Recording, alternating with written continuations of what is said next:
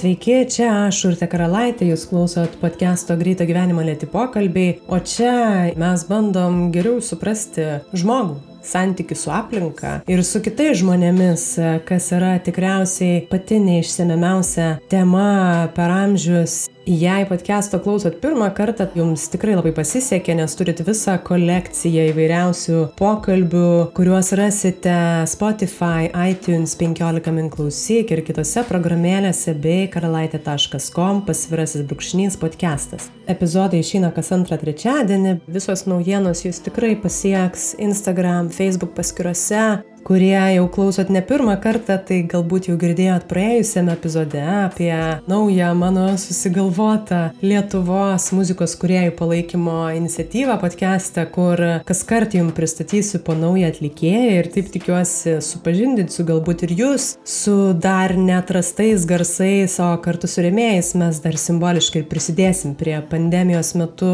tikrai stipriai apriboto muzikos pasaulio kuriejų. Tai dabar fone ir jau nuo pat pradžių girdite dainininkės ir muzikos kuriejos Migloko kūrinį Ramu.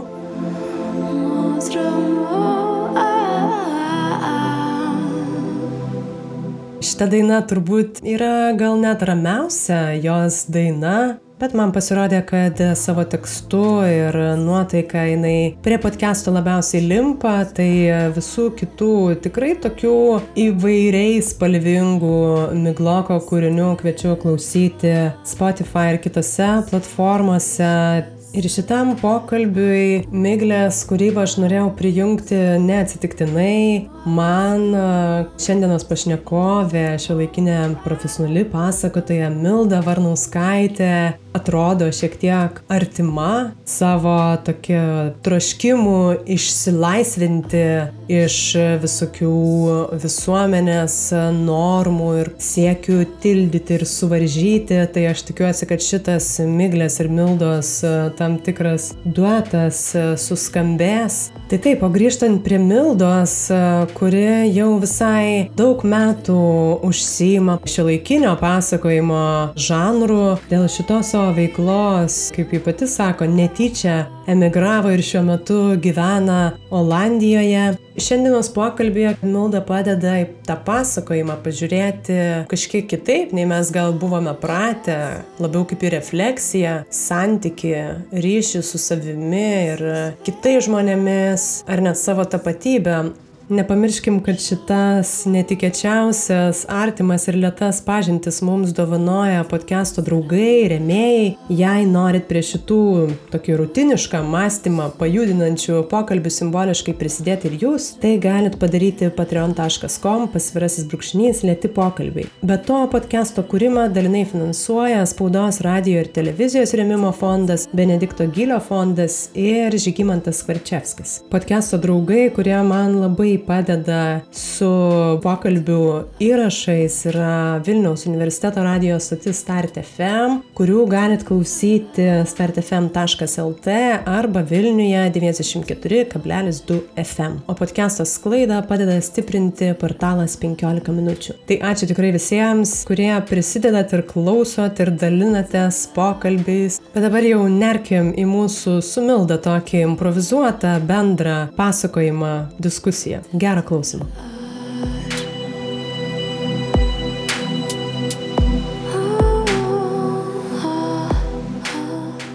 Tai jeigu tu pasiruošus, galim pamažu. Tai taip, tai kaip čia galima, žinai, pasiruošti tam giliai, reikia nerti ir viskas.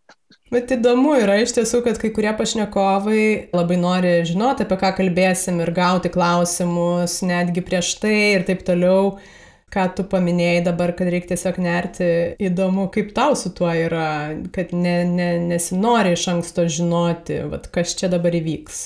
Aišku, yra to nerimo ir tikrai ir man jo buvo, apie ką mes čia kalbėsim, būtų taip daug paprasčiau, jeigu mes galėtumėm apsibriežti, tada kažkaip atrodo ir tas nerimas gal būtų mažesnis, bet iš kitos pusės tai gal tada ir mažiau smagu, nes aš turiu tikrai to tokio smalsumo, o kaip ten dabar išeis man, o kaip aš čia sudalyvausiu, ką aš pasakysiu, man tiesiog smalsu iš tos tyrinėjimo tos pusės, o kaip man, vat, gausis tokioj situacijoj, kažkokį va stresą, žinai, gal keliančioj, nekasdieniniai situacijai, kas iš manęs išlys. Tai man tas smalsumas visada. Aš visada turiu jo tokio, net ir blogiausiose kažkokiose situacijose aš galvoju, o kaip įdomu dabar, kaip čia, kaip čia baigsis. Tam tikras nuotykis tada vyksta, nes tu nežinai, kas čia bus dabar. Taip, taip. Ir toks noras, vat, gal ir, žinai, ir įmesti save į tokį nuotykį ir pasižiūrėti, kur čia išplauksi. O nerimas tada įdomu, vad dėl ko? vis tiek gal atpažįsti, ko baiminiesi kažkiek. Nu, tu sakai, vat, kad pažiūrėti, kaip gausis, tai ar to, kad nesigaus, o kas yra nesigaus? Jo, tas klausimas, ar gausis ar nesigaus, tai tas vis tiek yra kažkoks gal ir įsivaizdavimas, kaip turėtų gautis. Aš jau, kaip ir sakiau, man tai buvo didžiausias savo reikalavimas, kad uh, kuo sklandesnė kalba būtų mano lietuviška. Tai aš labiausiai irgi dėl to jaudinausi, kad tik tais man nelystų kokie angliški žodžiai ir aš galėčiau gražiai lietuviškai pakalbėti ir nenuliūdinti nei vieno patrioto. Dėl to tikrai jaudinuosi ir tas ir buvo gal toks va ta labai aiškus reikalavimas gausis nesigaus. Žinoma, visada yra ir ta tokia baime nuteisimo. Galbūt kažką pasakysiu, kas kam nors nepatiks ir tada gal tai sulauks komentarų, žinai, tai yra vis tiek tas toks ir sociumo normatyvumo toks irgi baime, kaip ten bandys dabar tavo tos žodžius interpretuos. Čia įdomu iš tiesų, nes turbūt faktas, kad e, visi klausytojai, kiek jų bebus, jie interpretuos ir greičiausiai skirtingai kad tai neišvengiama, kad ir kokį žodį aš dabar pasakysiu ir kokį sakinį, tai jis bus interpretuotas visai. Žinai, kad kiek tu besiruoštum ir berepetuotum, tau greičiausiai nesigaus taip, kaip tu norėtum. Dar tik tai noriu nuleisti kartelę dėl lietuvių kalbos, tai e, čia yra podcastas, kuriame aš pati esu peržengusi ribas, pašnekovai taip pat e, ir, ir leidžiame jiems tai Manau, kad e, tau puikiai kol kas tikrai sekasi ir angliški žodžiai čia irgi tinka, mes juos kažkaip išsiversim kartu. Tai aš Ačiū tau, Urte, labai nusiraminau. Manau, kad ir klausytojam e, svarbu tik tiek, kad suprastų, ką tu nori ištransliuoti, o ar sukirčiuota teisingai ar neteisingai Tai aš pati kartais ir paliūdžiu, kad mano kalba toli gražu lietuvių nėra, nėra tokia, kokia vat, LRT klasika norėtų, kad būtų.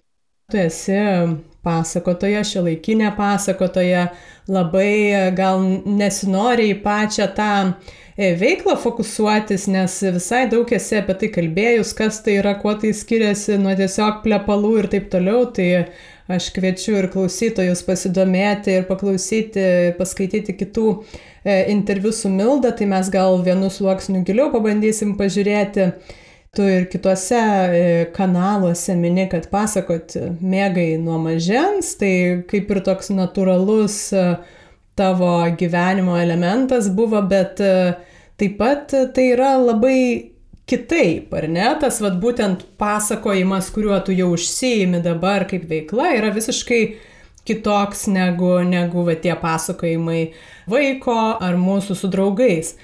Čia gal įdomu, nuo ko tu atsispiri, kaip renkiesi temas. Čia jeigu kalbant jau apie tavo asmeninius performansus, neužsakomus kažkokius, ir kas tampa va to santykio tarp tavęs ir um, pasakotojas Mildos ašimi.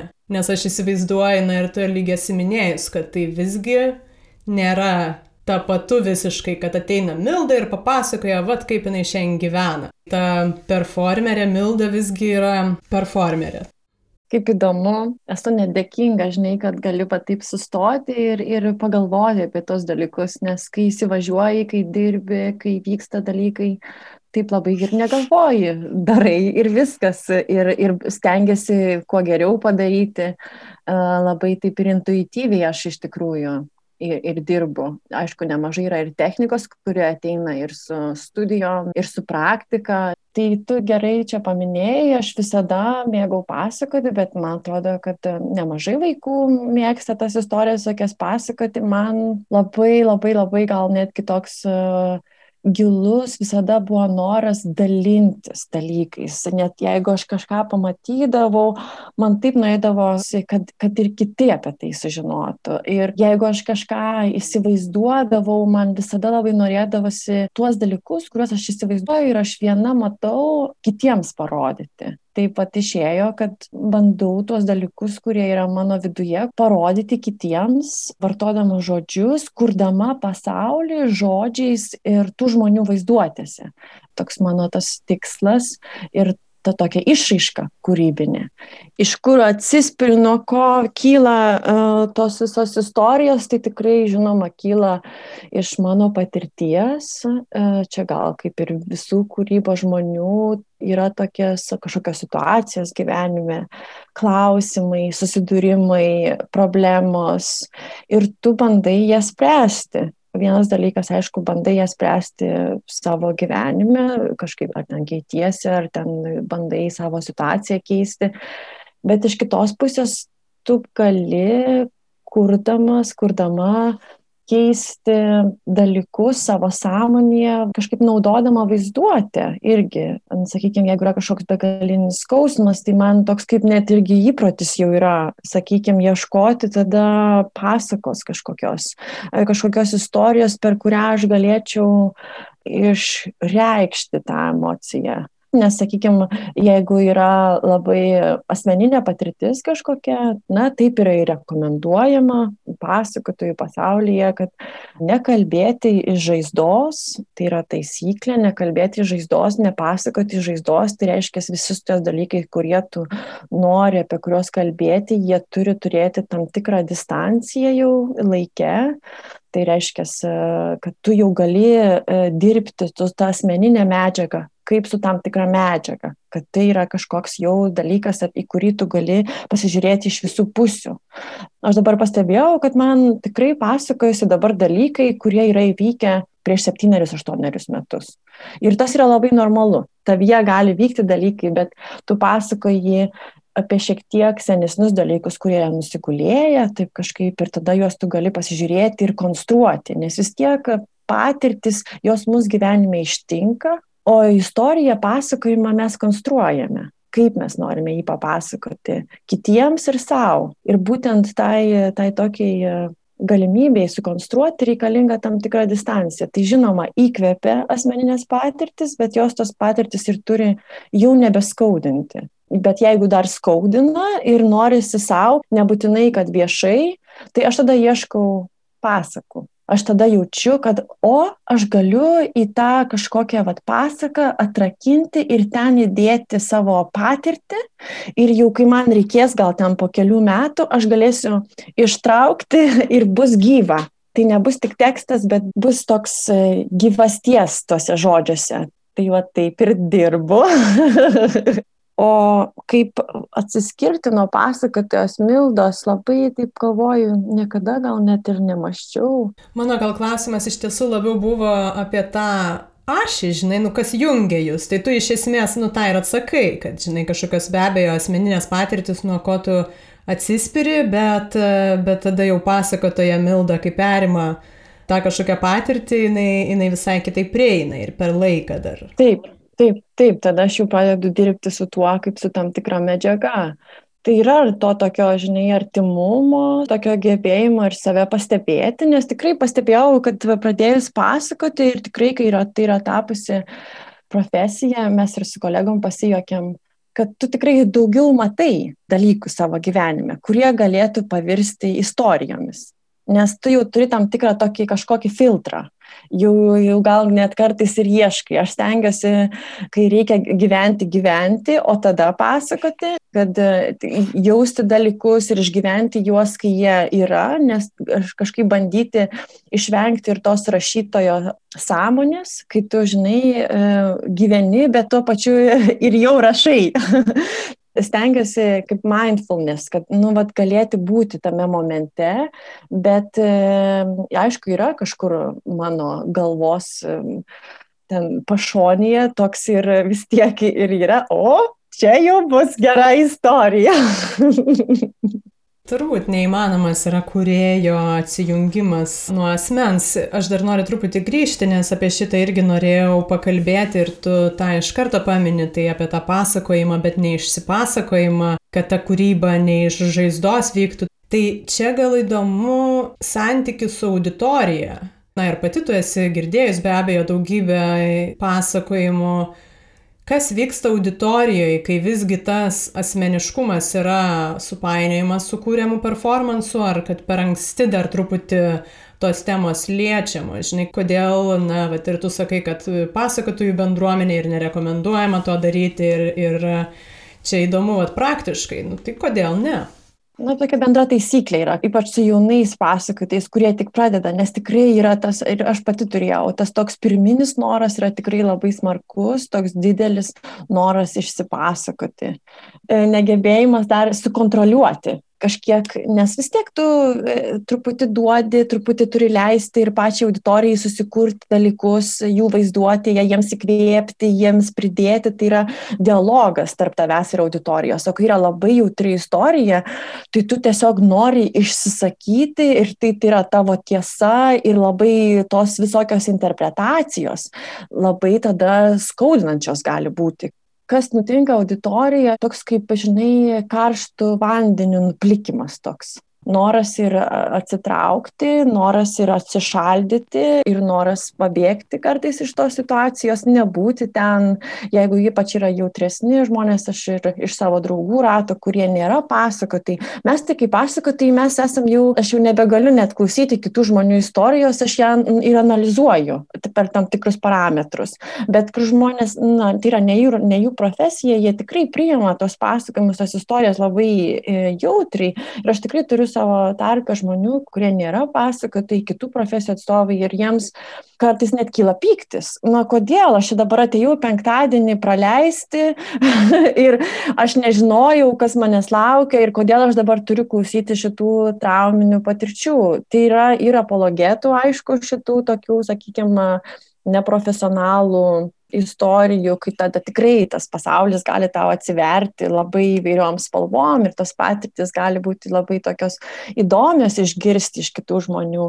Bet iš kitos pusės tai yra ir tikrai rizika, kad gali kažkam sukelti ir labai tokių nemalonių jausmų. Tai jeigu esi jau profesionalas, tai tu negali sau leisti šitokio. Jeigu dar norisi verkti, kol pasakoji savo namie ar ten draugams, tai reiškia dar nelaikas pasakoti ten šimtiniai auditorijai. Bet iš kitos pusės atsimenu vieną kartą buvo, kai mergina papasakojo tokią labai, sakykime, na, labai ir skaudžią ir žiaurę tokią istoriją apie savo vaikystę, kaip jinai buvo, net nežinau, ar galima sakyti tokį žodį, tvirkinama.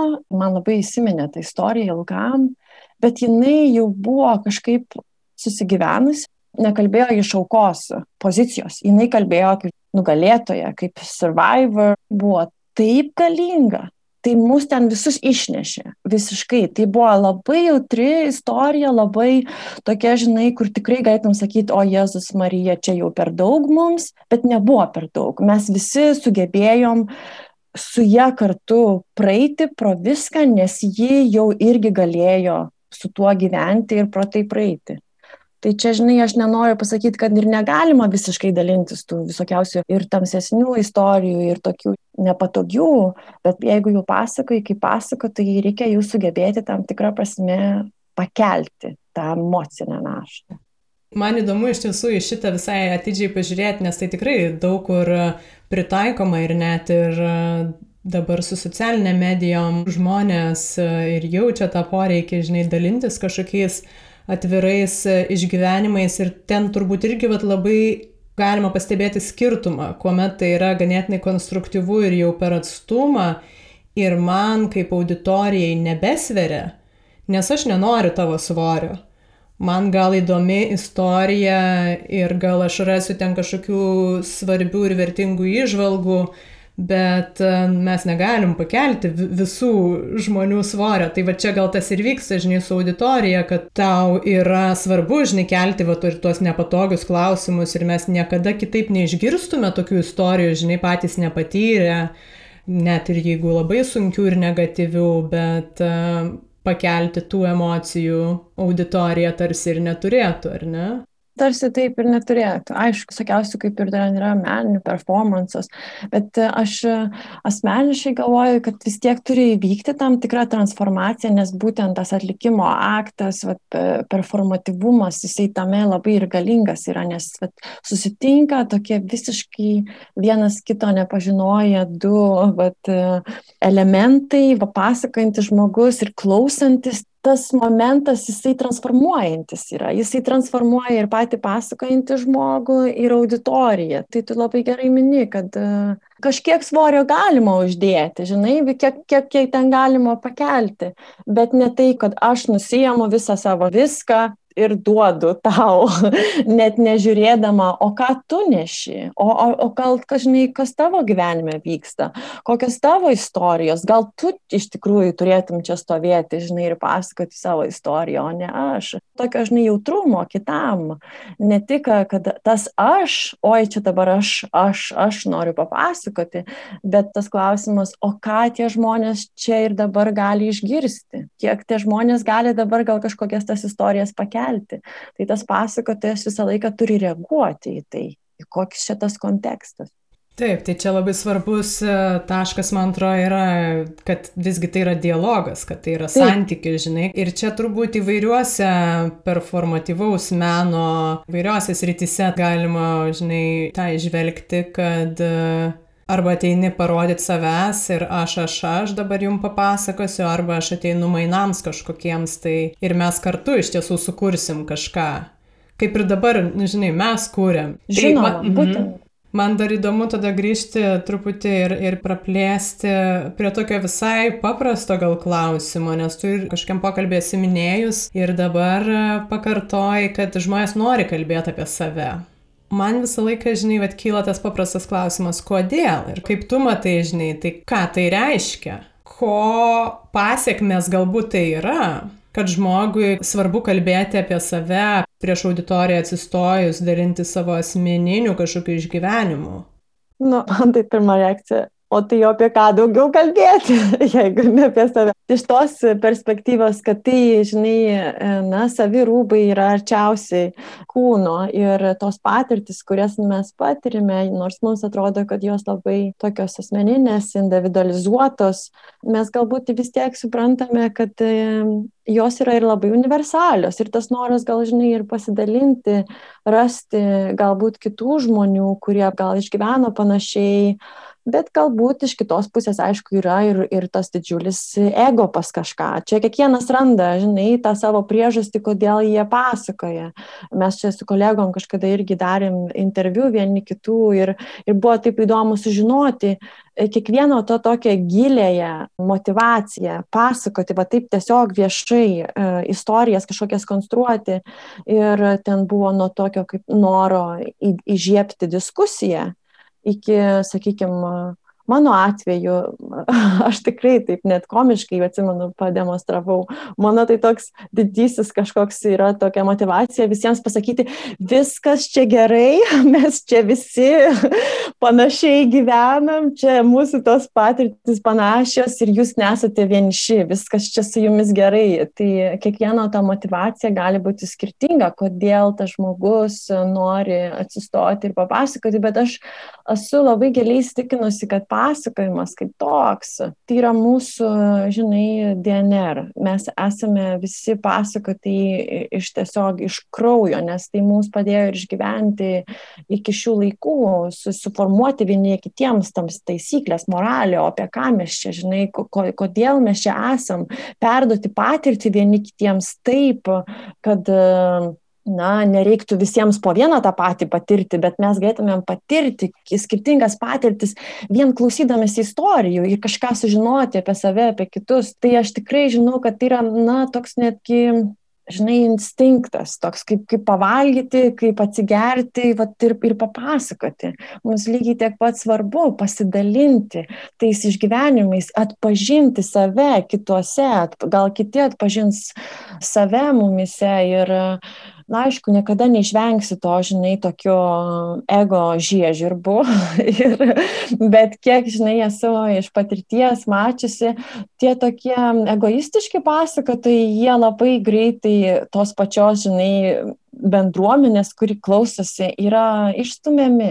Tiesiog nusibosta klausyti tų tokių istorijų ir to nematymo tos auditorijos, nes visi labai gerai jaučia. Ir kažkaip jie išnyksta, ten būna labai aktyvus, keletą mėnesių ten pasakoja, žinai, kiekvieną savaitę ir paskui išsipasakoja ir išnyksta. Eina kažkur kitur, žinai, tą ego demonstruoti. Čia įdomu ir apie tą ego paminė, tai, tai be abejo auditorija vėlgi jaučia, kad tai čia nėra, manęs čia nėra, nu tau manęs nereikia. Man įdomu dar buvo prie šito klausimo prieiti iš kitos pusės, ne tik, kad vat, pasakotojai be abejo jie jau ateina truputį kitaip dalintis, jau kažkokiam sukonstruotom istorijom.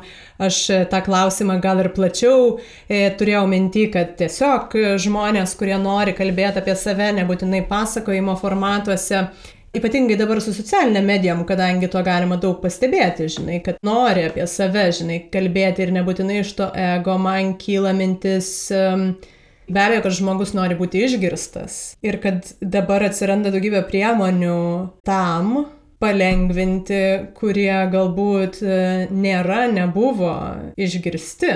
Nes tai bendruomeniai kažkaip skaidantis į tokius, žinai, vienetus, šeimos, draugų ratelius, kai to bendruomeniškumo lyg ir mašta, tada to išgirdimo galbūt žmogui trūksta ir jisai iš to vat instinkto desperatiškai ieško, kuris galėtų būti išgirstas. Čia mano visiškai išvalga, aš čia leidau savo mikrofoną perimti. Tai, ne, tai labai, labai įdomios tos išvalgos ir aš skaičiau keletą straipsnių irgi Lietuvoje dėl to atvirumo, koks čia tas tikslas, ar ten prisivilioti daugiau sekėjų, ar, ar tikrai kažką, žinai, tokio autentiško papasakoti.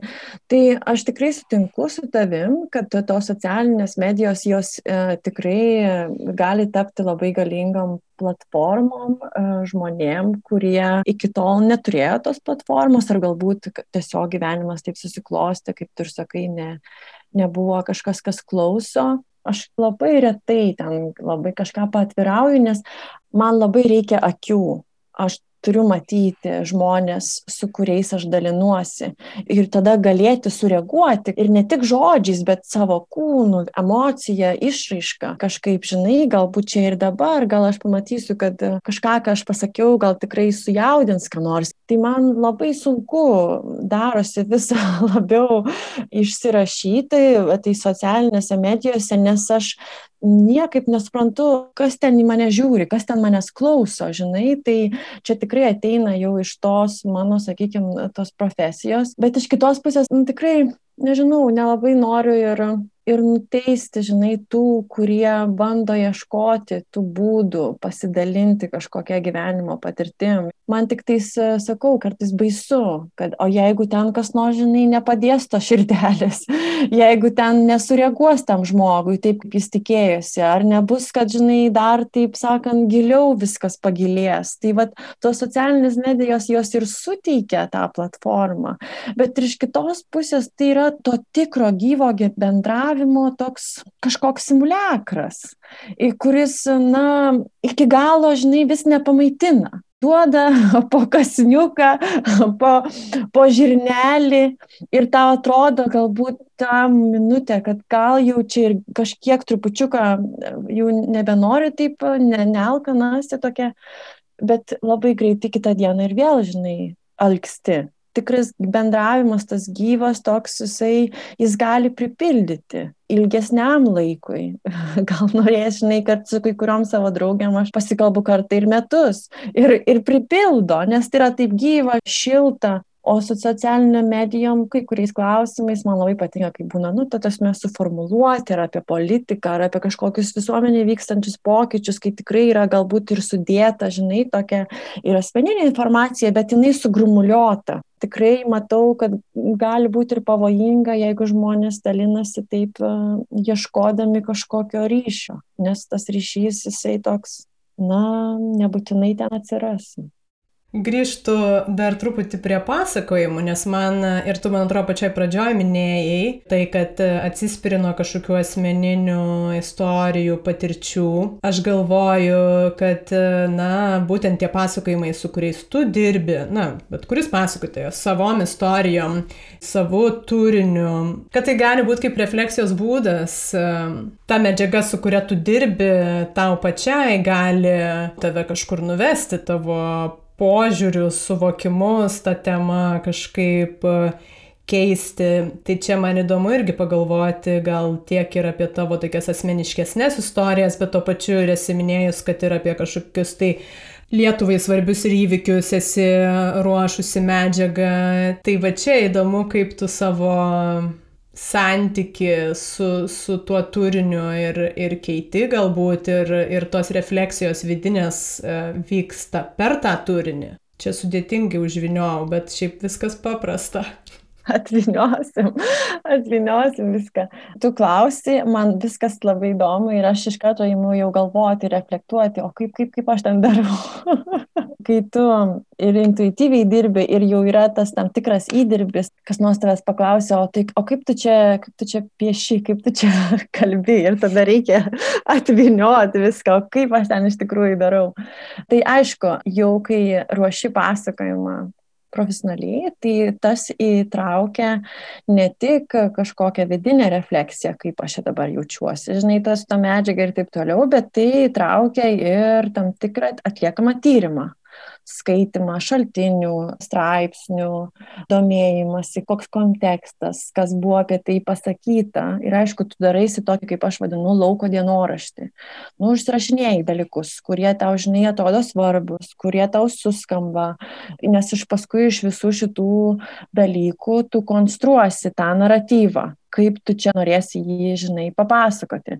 Jeigu su kažkokiais istoriniais faktais, jo, jeigu kas susijęs su Lietuva, tai aš stengiuosi visą laiką va, taip ir pažiūrėti plačiau, nekartoti klišių, negalvoti, kad jeigu aš esu, žinai, lietuvė, tai man būtinai reikia viską pasakoti būtent šitaip.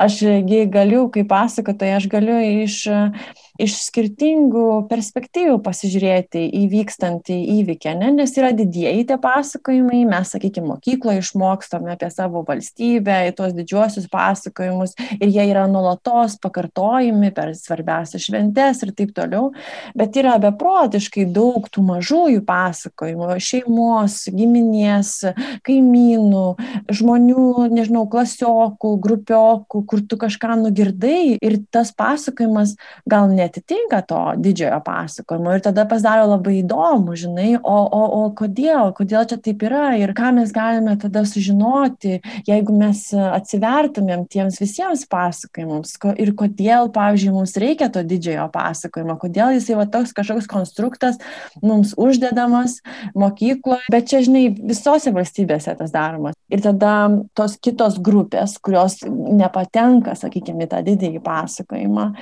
sudarė su sunkumais, kad jų istorijos būtų išgirstos, kad jos būtų įtrauktos, tos įviniotos, tos istorijos, kad jos yra nereprezentuojamos, tai yra e, didinami stereotipai, mes tiesiog įsiveliam į kažkokį, žinai, tokį kartojimą, kažkokių e, realybės nebetitinkančių žodžių. Ir man visada tas yra svarbu pasižiūrėti, apsidairyti aplinkui, ar aš pažįstu tokių žmonių, ar, ar aš mačiau kažkaip kitaip, žinai, pasitikrinti ir um, su savimi tos ir, ir kažkokius stereotipus. Na, tikrai jau, kaip pasako, tai čia reikėjo gerokai prakratyti tos stereotipus, nes pasakojimuose jų yra labai daug ir jie yra taip įsišaknyje ir mes toliau pasakojam juos ir net nereflektuojam. Tai gal vat, kai dirbu su kažkokiais tokiais, sakykime, tautiniais pasakojimais, aš esu pasakojus apie Baltijos kelią ir taip toliau, man kaip kuriejai tiesiog įdomu pasižiūrėti skirtingose batose pastovėti ir iš tos vietos papasakoti. Tai man tas labai faina, nes aš kaip pasakoti aš galiu būti ir viskas, ir niekas. Čia įdomu ir būtent dar istoriniam kontekste, tai man pačiai toks atradimas buvo ir čia dabar pusiau reklama, ai ne pusiau visa, kad tas, vad, ką tu sakai, ką mes mokykloje mokėmės, tai yra tas didysis istorijos paveikslas, toks, na, faktai su šiek tiek uh, fono, bet uh, istorija be abejo, jinai ten nepriepiama yra ir ten tiek visko įdomaus ir man kažkaip labai turbūt įspūdį yra palikę, va ir pokalbiai čia podcastas su dviem istorikais, Tomas Vaiseta, e, seksualumą ir litiškumą istorijai tyrinėja, Aurimas Švedas, baimė istorijai, turiu meni, kad ten yra tiek daugybė sluoksnių, kur staiga suvokiu, kad, o, tai istorija nėra tik tai patys faktai, kad, va, ar ne, Baltijos kelias, tiek ir tiek žmonių ten ir ten susikybo rankomis, o kiek visokių plotmių ten ir šeimos istorijų, kaip kas ten važiavo ir automobilis neužsivedė ir kaimynas vežė. Tai yra nemažiau iš tiesų svarbus gal ir pasakojimo elementai. Taip, aš dar tik pridėsiu, šitie visi pasakojimai, bet ir pasakojimai žmonių, kurie nevažiavo, kurie gal negalėjo važiuoti, kurie, žinai, nebuvo Baltijos kelyje. Ir ar jie tada yra mažiau lietuviai, ar jie, žinai, tada, na, kažkaip, vat, yra nusidėję istorijai, kad nebuvo tada ten arba negynė, žinai, dėl įvairiausių priežasčių nebuvo gal ir prie Seimo ar prie parlamento. Ir ką tada mes darom su tom istorijoms, kai tiek vat, visą laiką yra tas didysis pasakojimas uždedamas, gali atsirasti gėda, gali atsirasti negalėjimas, o tu kuo aš čia susiidentifikuojuosi ar čia mano pasakojimas, mes vad nevažiavom, gal neturėjom iš ko, gal per, per toli, e, gal ne, nebuvo, žinai, kaip nuvažiuoti ir ką tada mes darom. Ar tada yra tie žmonės, kurie buvo ir tie, kurie nebuvo. Man vad labai įdomu ir šitie dalykai tokie. O kaip mes tada sumesgam visus į vieną? Aš galiu su pasididžiavimu pasakyti taip, aš buvau, aš laikiau, aš padėjau, bet kaip tada sukurti erdvę tiems kalbėti, kurie dėl įvairiausių priežasčių nebuvo ir kad jie gali papasakoti savo istorijas be jokios gėdos. Man va čia įdomu. Ir čia iš tiesų, na, plačios realybės pamatymas, nes taip siaurai žiūrint, nesvarbu, kurį čia įvykį e, kaip pavyzdį paėmus, tai be abejonės, kad tai yra tik dalis žmonių, net jeigu ir didžiulė, ir nuostabus e, pasiryžimas ir patriotiškumas, e, taip, bet mes negalime atmesti ir fakto, kad taip dalis žmonių nenorėjo važiuoti, nepalaikė. Kita dalis, kaip tu ir sakai, dėl daugybės priežasčių, žinai, negalėjo. Tai tas realybės platus paveikslas, man atrodo, irgi dažnai e, kažkur tai e, praslysta norint e, aukštinti geriausius darbus ir herojiškus. Tai aš čia noriu iškart prieiti, ką ir norėjau paklausti, nes tu ir kitur mini, kad būtent tau, jeigu galiu taip įvardinti, vertingos ar įdomios istorijos pasakojimai nėra būtinai apie kažkokius neįmanomus nuotikius ir ten, nežinau, skrydį aplink pasaulį, menulį ir taip toliau, kad e, tu vat, vertini labai ir kasdienybę ir va tuos kažkokius e, mažus dalykus, ar tai atsisukia į visiškai kitą, negarbinamą galbūt grupę žmonių, kas gali pasirodyti daugumai taip, galbūt nevertinga ar ten vienoda. Tai Tai man čia įdomu, gal tu norėtum išsiplėsti, ką tu ten randi, ar tai kasdienybėje, ar tai žmonių istorijose, kurie nebuvo didvyriai šitoje, kad ir patriotiškoje kažkurioje tai pasakojimo dalyje. Visada labai įdomus yra užkulisiai aš mėgstu pasižiūrėti ir kas vyksta, žodžiu, viešai, bet man tada norisi, žinai, užeiti už namo, pasižiūrėti, o kas ten, ar ten viskas, žinai, paruošta. Atsimenu, pas mus būdavo tie tokie gražiausios sodybos e, konkursai kurių mes niekaip nelaimėdavom, nes mes tokiuose nuolatinėse statybose gyvenom mes su draugais vat, išvažiuodavom su dviračiais apvažiuoti tas gražiausias statybas.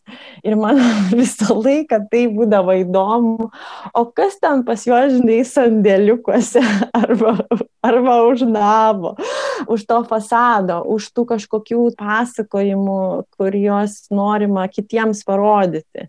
Ne, aš net nenoriu vartoti žodžio mažosios istorijos, nes jos man atrodo tokios, gali būti tokios didelės, žinai, net mūsų toks sukurtas įprotis, kad mes turime domėtis kažkokiais didingais dalykais, karų istorijomis, nes, na taip, žinai, taip yra toks va, susifokusavimas į tos didelius kažkokius tokius įvykius, kurie aišku buvo labai globalūs, bet kad ir tas pats, žinai, tušinuko išradimas, ar ten gal spinos durų išradimas, ten nežinau, ar dviračio, man atrodo, dviratis yra kažkokia fantastika visiška, toks nu, nuostabi transporto priemonė. Tai galima sakyti ir kokia kaip ir, žinai, maža istorija, e, bet man tai jinai yra didelė aš esu girdėjusi savo dirbtuvėse tokių nuostabių istorijų žmonių, kurios buvo, na, žinai, tikrai ne apie keliavimą aplink pasaulį, jos nebuvo ten apie išradimus, nebuvo apie, nežinau, startupus, buvo apie, apie tiesiog, sakykime, pamatymą rudens. Viena moteris labai patiko istorija ir visą laiką ją prisimenu, nes tokį padarė įspūdį didelį, kai visą laiką ėjo pro parką kiekvieną dieną po tą patį parką. Ir vieną dieną jinai vat, pamatė kalną supiltą e, lapų ir tiesiog nusprendė, žinai, griūti į tuos lapus ir ten pasivartyti tuose lapuose. Ir man tai yra taip gražu, nes man atrodo, kad būtent gyvenimas normalus toksai, žinai, įprastas gyvenimas, jis ir susideda iš tokių dalių, iš atsisveikinimų ir sustikimų, iš atradimų, iš šypsenų, iš ašarų, iš tokių, žinai, va, nedidelių atrodytų dalykų. Man tai dideli tie dalykai. Jeigu viską matuosi tais didžiaisiais gyvenimo tokiais kažkokiais pasiekimais ar tais įvykiais, tai ten bus tik keletas jų. O kiek visko kasdien vyksta ir kaip yra įdomu ir kaip tą galima visai įdomiai suverti, žinai, ir papasakoti, kad sėdės ten, žinai, ausis e, nuleidę, akis pravėrė ir išsižioja, žinai, e, visi. Tai man tas įdomu, man tai yra kaip iššūkis, aš kai, jeigu, pavyzdžiui, kažkokia tema būna ar užsakymas, visą laiką, žinai, būna tos pirmosios mintis, kurios ateina, bet tada tu turi kažkaip pasėdėti, pagalvoti ir aš esu jau pastebėjusi, kad man va tada būna įdomiausia pasižiūrėti iš, iš tų tokių netikėtų perspektyvų. Man labai artima tas yra iš tiesų ir tie užkulisiai, ir čia aišku ir tas smalsumas, žinai, kad fasado neužtenka, kad norisi tos realybės daugiau pamatyti, o kaip tai atsiranda. Ir tas mažumas, aš tai net nematyčiau to kaip kažkokio neigiamo aspekto, nes tai faktas, kad kažkokioj skaliai tie dalykai yra galbūt mažesni, bet didieji dalykai susideda iš mažų. Nu, turiu omeny, kad, kad be mažų nebūtų greičiausiai didžiųjų, žinai, kad viskas vis tiek susijungia ir tai yra kontekstas.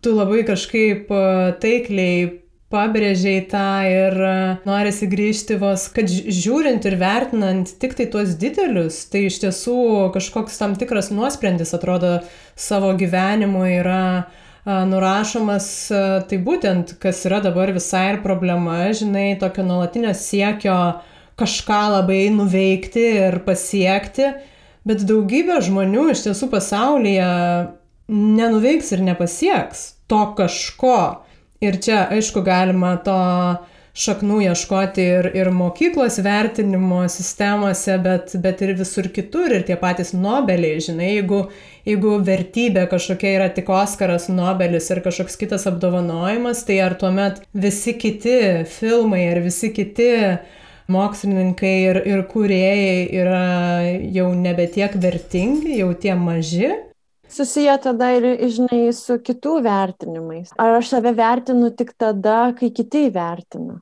Bet dar ir įvertina labai gerai, žinai, ta prasme tau neužteks, kad tau penki draugai pasakys, kad tu gerai pasakoji ar ten gražiai rašai. Ypač dabar, kai mes matom viską internete ir viskas, visas pasaulis mums yra pasiekiamas ir tu matai, kiek yra įspūdingų kuriejų, nežinau, mokslininkų, bet kokios ryties, tai greičiausiai tu supranti, kad, nu, nu nebūsiu aš iš tiesų nei vienu iš jų, tai viskas tada. Tai jau čia man tada nebeverta. Tai aš visiškai tavo irgi tokiu požiūriu panašiu vadovaujuosi, kad tie maži dalykai, na, aš juos taip vadinu, man tai jie yra tokio žavumo ir svorio, kad aš juos tikrai labiau vertinu negu Nobelius. Aš nustepsiu be abejo, jeigu aš gausiu Nobelį, bet tai ir bus nustebimas. Kokį norėtum gauti? Aš žinok, nuoširdžiai netinku šitam pokalbiui, aš labai turiu iškreiptą požiūrį į apdovanojimus ir, ir vertinimus tokius ir šito niekaip nesprantu. Liktai Dilanas nesivargino duoti kalbos, ten nevažiavo, tai e, gal panašiai mes su, su Dilanu būtume. Dar gal noriu pridėti, ką, žinai, esu pastebėjusi iš vestų dirbtuvių. Gal trečdalį mano dirbtuvių irgi sakykime, laiko užima tas toks tikrai net kartais bandymas kažkaip padėti jiems pamatyti tą grožį tų savo istorijų ir to gyvenimo, kad ten labai daug visokiausių dalykų yra, žinai, tai tikrai norėtųsi kad e, daugiau, žinai, žmonių galbūt e, vertintų tos nedidelius kažkokius ar pasiekimus, ar, ar tas patirtis, kurios, žinai, gal, gal ten ir neįsirašysi didįjį kažkokį naratyvą, bet jos yra labai svarbios. E, tikrai, tai yra mūsų, mūsų gyvenimai tą, žinai, grožį paminėjai ir kad tai yra, tai be abejo, grožis yra subjektivus ir tada supranti, kad va toj masiniai kultūroje formuojama grožio tokia samprata, jinai nesifokusuoja iš tuos nedidelius dalykus. Nesvarbu, ar mes čia kalbam apie vizualų grožį ar, ar apie gyvenimo džiaugsmą ypač šito, na, vartotojiško pasaulio mechanizme viskas turi būti maksimum. Tai čia tie Nobeliai yra vienas pavyzdys, bet, bet kur kitur tu turi siekti maksimumo. Tai tuomet tie visi vat, nedideli dalykai, žinai, ir tas grožis, na, jisai vis tiek turi būti maksimalus tarsi, tai persiprogramuoti savo galvą reikia kažkaip samoningai kad e, aplinka to tarsi ir nenori komunikuoti. Aš dabar noriu visai šokti toliau, nežinau, e, ne, niekaip čia nesuviniosiu, bet e, negalim mes nepaliesti tavo, na, pastarojo kaip ir pusmečio čia temų, tai uh, tu man anksčiau minėjai ir savo studijas Osle ir būtent tų studijų metu tyrinėjai keletą istorijų ir pasakojimų apie tam tikrą prasme nutildytas, bebalsės moteris. Ir e, norėčiau gal bendrai prie tos temos paklaužinai, kaip tu atėjai iki šitų temų ir kaip tave jos liečia. Visgi renkiesi vat, ir, ir tyrinėti taip jau giliau, ne tik papasakoti vieną istoriją. Tai kodėl tuomet? Man labai pasirodė įdomus faktas, tos, kai aš pradėjau skaityti, daugiau domėtis, kad istorijos, tos, kurios mes, sakykime, dabar galim perskaityti knygose, jos nebūtinai, vat, būtent taip ir buvo papasakotos, kaip jos nugulė knygose. Kad e, mediatoriai, sakykime, tie, kurie klausėsi o, o, ir paskui užrašė, turėjo irgi įtakos tos istorijos turiniui. Man tas buvo toks ir liūdėsys, ir toks e, skausmas, ir, ir visokios tos emocijos, ir, ir būtent vėl smalsumas, o tai kaip ten tada buvo? Čia gal vėlgi tada prisiminčiau vieną pasirodymą, kuris ir Lietuvoje buvo tokia labai garsinai, tokia Beyond istorijų pasakojimo pasaulyje Šonaly jinai pasakoja, žodžiu, yra perėjimusi tradicija iš savo močiutės ir jinai niekada nėra mačiusi užrašytų tų istorijų. Jinai, žodžiu, gavusi tradiciją, grinai žodinė tradicija, tai yra toks jau retas atvejis, net ar pasakotojų nėra jokios gėdos iš knygų pasakoti. Bet čia toks labai retas atvejis ir, ir kodėl įdomus, nes jinai paskui pasakoja mums, ten yra tokia labai sena žydiška tradicija, visose tose istorijose, kurias ji išmoko iš savo močiutės, moteris kaip asmenybės, kaip veikėjos, jos yra labai stiprios, jos yra labai spalvingos, e, jos yra galingos, jos nėra tos, kurios ten laukia, kol jas ateis ir išgelbės. Kažkas ten iš, iš bokšto ar ten pabučiuos. E, ne, jos eina, daro, veikia. Ir tada aš atsimenu, man buvo toks, nu, kai žinai, kažkaip susiklikina viskas, kai tu ir paskaitai, ir prisimeni, ir yra patirties. Ir tada tas klausimas yra toks, o, o kaip čia tas vyko, kad vienai buvo pasakojama ir iš tikrųjų moteris visada buvo tos pagrindinės istorijų nešėjos, nes jos būdavo namuose, jos e, kurdavo pramogą vaikams, žinai, pasakodavo. Ir kaip tada vat, gaunasi, kad, kad knygose jos save tada nupiešė kaip tokias kažkokias pasyvės.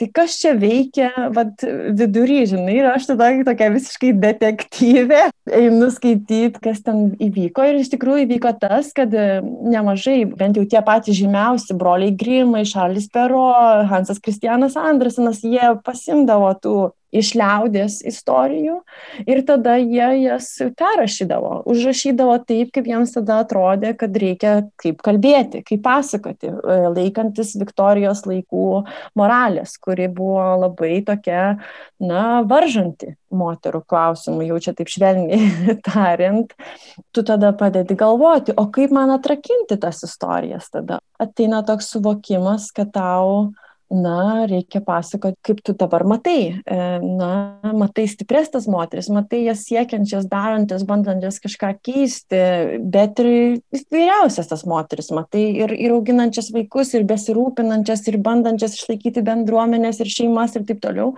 Ir tada tu padedi galvoti, kaip tu, kaip pasakotoja, čia ir dabar, kaip tu gali vat, suteikti balsus toms moteriams per savo tas pasakojimas istorijas ir tada keisti tas istorijas, kurios yra užrašytos vyrų, į tas istorijas, kurios yra iš tikrųjų, na, tu jas matai, kad va, čia yra tiesa, ne, ne tai, kaip čia buvo tau pasakyta, kad čia reikia taip elgtis, bet taip, kaip va, dabar tiesiog realybėje matai, kaip, kaip moteris elgesi, kodėl jas reikia kažkaip atstumti į kažkokius tai pasakojimus, naratyvus. Ne, nereikia, reikia pasakoti kitaip. Reikia tada keisti patį pasakojimą, o ne bandyti kažkaip moteris ten kažkokius ten varžančius rūbus darbus, e, dėlioti ir e, pasenusias vertybės ir moralinės normas. Toks va visas detektyvas buvo tam norui suteikti erdvę ir sceną toms žymiosioms e, pasakų veikėjams, kaip ten ir sneguolė, ir undinėlė, joms papasakoti savo istorijas joms vat, leisti joms pakalbėti, toks keistas e, gal noras, bet man labai svarbus jisai, jisai mane pačią įgalina kaip pasakotoja ir aš tikiuosi, kad uh, įgalins ir kitas moteris kalbėti, pasakoti savo istorijas taip, kaip jos jas išgyvena, nebandyti sukišti save į kažkokias tai ten uždėtas normas su undinėle, tai ten tikrai čia toks kaip faktas. Andersenas pats pasirinko atimti balsą, kad jie įtiktų vyrui. Tai čia toks va, Andersono žodžio buvo planas toks, kad šitaip reikia dabar pasakoti. Tas erzina, tikrai norisi suteikti balsą. Čia reikia gal net remtis dar giliau į Kasandros mitą iš graikų mitologijos, kur yra tokia stiprią žinutę nešantis irgi mitas, Kasandra ji iš Apolono Dievo gavo tokią dovaną, kad e, ji galės matyti ateitį, pranašauti ateitį, jinai tokia pranašautoja yra.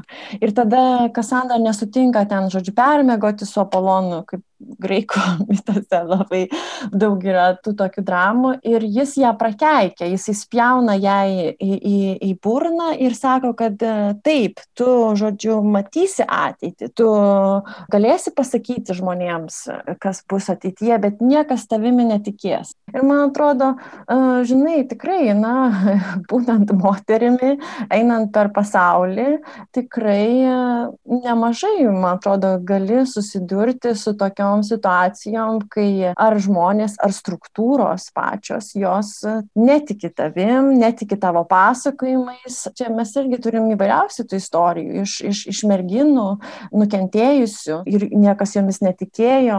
Tos patirtis ne tik mano asmeninis, bet ir tos tokios globalios, kai daugybę metų moteris yra kankinamos, jos kenčia ir jos bando pasakyti ir policijai, ir visiems, ir niekas jomis netiki. Tai tas toks tylos motyvas nutildymo, jisai yra galingas ir jisai dažnai per, per šimtmečius visokiausiose pasakojimuose. Nuteisimas tos pačios Jėvos, kad va jinai nusprendė, kad jinai nori to obolio, jinai nori kurti savo gyvenimą pati, jinai nori išeiti iš to rojaus, nori, žinai, pati formuoti viską. Ne, negerai, negali šitaip. Tai yra ir tradicija, kurią tu matai tose visose istorijose, žinai. Ir aišku, tai, ką aš matau pasaulyje, įvairiausiais, kad ir teismai kažkokie susidūrimai moterų, kurios tam turi aiškinti, žinai, kad jos čia sako tiesą mano mama visą laiką tai pabijodavo, kad aš jau, kai pradėsiu pasakoti, tai kam nors per daug pripasakosiu. Bet čia dar kitas dalykas, dar čia yra kultūrinis sluoksnis, tas, tas ilgas toks 50 metų trukęs negalėjimas iš tikrųjų laisvai kalbėti be jokios baimės. Tai šitą dar labai jaučiu. Ir jaučiu visų savo e, dirbtuvių dalyvių raiškoj tą tai uždėtas svoris, kurį mes galime nustumti ir tas nelabai ne daug, žinai, reikalauja ir kažkokių, sakykime, didelių pastangų. Tas tiesiog papasakoti kažką, žinai, iš savo gyvenimo kitiems ir bandyti nebijoti, kad čia galbūt dabar jau tave ar nuteis, ar ten, ar išveš, nes, na, tie vaiduokliai iš praeities, jie tikrai kartais būna labai tokie vis dar gyvastingi. Taip, tai ta laisvinimasi, na, savo žodžio, savo nuomonės, savęs, kaip asmenybės laisvėjimą tikrai galima pastebėti per pastaruosius 30 metų, ypatingai jaunų žmonių, kurie to nepatyrę ir tada visai kitaip prieina prie, prie temų ir diskusijų, kur aiškiai susikerta stovyklos. Tai čia gal norisi perbėgti, nes tu ir esi minėjus, tai būtent tą kultūrinį įprotį ir iš aplinkos, kad truputį gal, gal nekelti bangų, gal patilėti, gal geriau neliesti kažkokių temų, ypač viešai. Ir kad tą pokytį uh, pastebi, na, išvykusi į Olandiją gyventi jau dabar kurį laiką, gal dabar tą kontrastą reflektuodama galėtum taip e, įvardinti, kokia tau laisvė yra svarbi? Aš tikrai nemažai energijos ir laiko ir pastangų įdedu į tokį vidinį išsilaisvinimą ir kažkokių normų įdėktų konstruktų, nuomonių, istorijų, kaip čia turėtų būti viskas. Ir um, labai daug įdedu pastangų save atmokyti daugybę dalykų. Atmokti, um, iš naujo išmokti kažkaip daryti dalykus. Ir, ir būtent tas, sakykime, nuomonės reiškimas kalbėjimas garsiai, pasakojimas savo istorijos yra vienas iš tų dalykų, žinoma, kurį aš bandau savį performuoti. Na, tikrai Amsterdame irgi, jeigu tai pakalbėtum su Olandėm moteriam, tai jos irgi turėtų visokiausių skundų, kad tikrai ta bent jau viešai deklaruojama lygybė, jinai nėra dar pasiekta, e, bet e, pastebėjau, kas tikrai gal duoda tokios stiprybės iš tikrųjų, kad čia yra tradicija feminizmo. Turiu savo draugų rate labai artimą draugę, kuri pati dalyvavo 60-70 metais visam tam, žodžiu, judėjime, išsilaisvinime, visų, žodžiu, lemenėlį nusimetime tas iš tikrųjų tu matai, kad ir maitina tą to, tokią, žinai, istoriją, tą tradiciją, to, to išsilaisvinimo, kurio mes gaila neturėjom. Nu, tas net yra faktas, mes, mes neturėjom tų judėjimų, tokių gal jie buvo kažkokie, žinai, tokie pavieniai, bet tokio galingo, žinai, ten, nežinau, net suriaušėm, čia Amsterdamas labai didžiuojasi tuo. Ne, neturėjom jo tokio. Jeigu ir turėjom, jis buvo baisiai nugesintas, nu, nutildytas. Tai e, tas vat nutildymo, žinai, net kai buvo išsiveržę Kaune e, studentai, tos baimės tikrai jos yra tikros. Ir tu ir aš galiu, žinai, matyti ir savyje tas baimės. Ir galiu matyti ir, ir kitose, jau dabar galėdama palyginti, kartais tiesiog norisi, Dieve, galvoju, kaip būtų faina, kad va taip išeitų laisvai, taip, žinai, taip ne, neforsuojant, kad tu jau labai sąmoningai sakai, dabar tau reikia, žinai, taip kalbėti, nes tu nori būti toks žmogus. E, bet kai tau natūraliai tiesiog tu kažkaip turi savo kaulose tokį norą ir jokios baimės, galėjimą pasakyti dalykus, kurie gal nebus visuotinai, žinai, priimti ir tą galėjimą įsivelti į diskusijas. Tai aš tą pamačiau, būtent tikrai įsikėlusi gyventi čia ir Ir tada, žinoma, prasideda ta tokia, žinai, tam tikra ir refleksija. Tai kaip ir tu sakėjai, kas ta laisvė. Ir man ta laisvė tikrai yra tas toks bandymas išsiveršti iš kažkokių tokių vidinių normų, gniauštų, pačios savęs nutildymų, tiesiog pakelti tą galvą ir nenuleisti jos ir kalbėti toliau ir tikėtis, kad e, kitus tas įkrieps, kad e, kiti pamatys, nu va, nieko jai neatsitiko, neuždarė niekas, gal ir aš galiu tada pabandyti. Tai mano tokia, žinai, tokia va dar irgi vidinė motivacija bandyti išsilaisvinti, tikintis galbūt tas padės ir kitiems.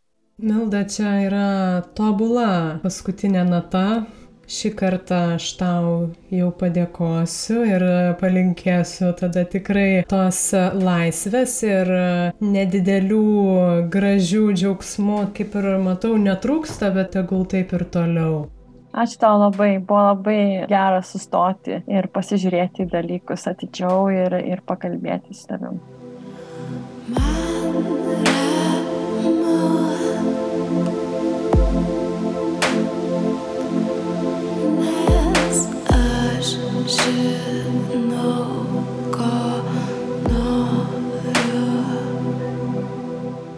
Ačiū, kad klausėtės dar, nepabėkit, toliau girdite Migloko kūrinį Ramu ir visą jį jums padovanosiu pabaigoje pokalbio, o daugiau Migloko muzikos ieškokit muzikos platformose ir tikrai pastebėsit, kiek ten yra jėgos, spalvų ir įvairovės. Kaip ir šitame pokalbėje, iš tiesų, man jisai toks organiškas ir tekantis šiandien buvo. Labai daug e, dalių man e, įstrigo, bet be ne stipriausia man pačiai asmeniškai buvo tikrai tas e, džiaugsmas ir įsivertinimas pastangų ir nebūtinai kažkokių pasaulinio garso pasiekimų. Ir tada galvoju, kodėl man tai svarbu. Tai žinau kodėl, nes iš tiesų tik taip atsirado podcastas ir tik taip man pačiai pavyko išsivaduoti ir atsipalaiduoti nuo kažkokių beprotiškų, nepasiekiamų iš tiesų siekių.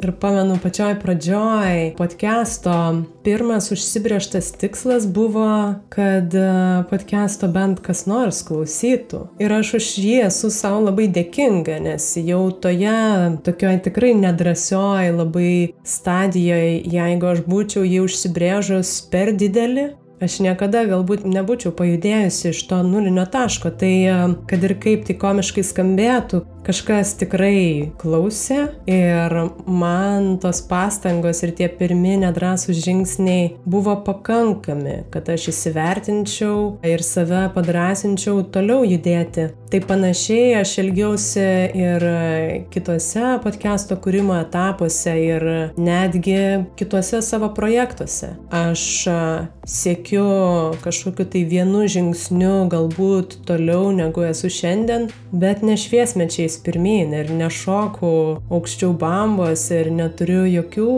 nei mažiausių norų iš tiesų užkariauti pasaulį. Nesakau, kad tai yra vienintelis būdas judėti ir kurti, man jisai puikiai tinka ir tas turbūt šiandien labai ir suskambėjo mūsų pokalbėje su Milda. Aš labai džiaugiuosi visą laiką girdėdama ir iš klausytojų įvairiausių minčių po pokalbių, kad kiekvienas iš tiesų prie tų diskusijų prieina iš skirtingų kampų ir savo asmeninių patirčių. Tik priminsiu, kad nepraleistumėt naujų epizodų, kurie išeina kas antrą trečiadienį ir visos naujienos jūs tikrai pasieks Instagram, Facebook paskiruose arba audio platformose. Pokalbių kūrimą dalinai finansuoja spaudos, radio ir televizijos rėmimo fondas, Benedikto Gilio fondas ir tikrai daugybė jūsų. Tai šį kartą turbūt ir norisi palinkėti laisvės ir atidumo nemažiau svarbioms mūsų visų istorijoms. Tai šiandien su jumis buvo podcastas Greito gyvenimo lėti pokalbiai, aš Urte Karalaitė, bet taip pat ir mano pašnekovė Milda Varnauskaitė, o dabar palieku jūs dar su Migloko ir jos kūriniu Ramu. Iki kitų kartų.